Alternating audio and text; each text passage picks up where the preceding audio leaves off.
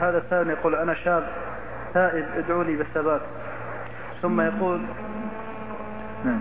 ثم يقول كنت أسرق فقد سرقت مبلغ وقدره 4000 ريال وبعد توبتي قال لي أحد المشايخ رد الحقوق إلى أهلها. فبعد أن جمعت ما استطعت جمعه غير أنه لا يكمل نصف المال المسروق فماذا علي الآن؟ وجزاكم الله خيرا. ثبتك الله على طاعته ومحبته ومرضاته وأحسنت فيما فعلت من سؤال أهل العلم ماذا يجب عليك بعد العصيان بالسرقة؟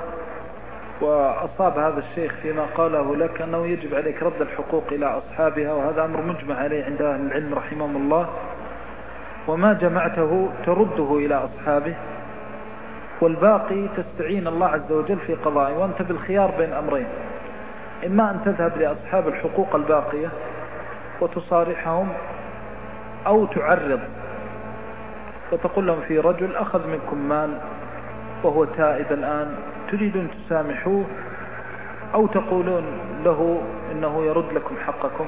ما في داعي أن تقول لهم أنا لأنه إذا كان أمكن التحليل آه، بالتعريض وخشية الفتنة فإنك تكتفي به وتقول له في رجل كذا وكذا فإذا قال لك نحن نسامحه وأبرأنا ذمته فالحمد لله. وإن قالوا نريد حقه فقل لهم أنه لا يستطيع الآن أن يعطيكم حقكم فأمهلوه. من حقك المهلة لأن الله يقول إن كان ذو عسرة فنظرة إلى ميسرة وإن كان ذو عسرة فنظرة إلى ميسرة.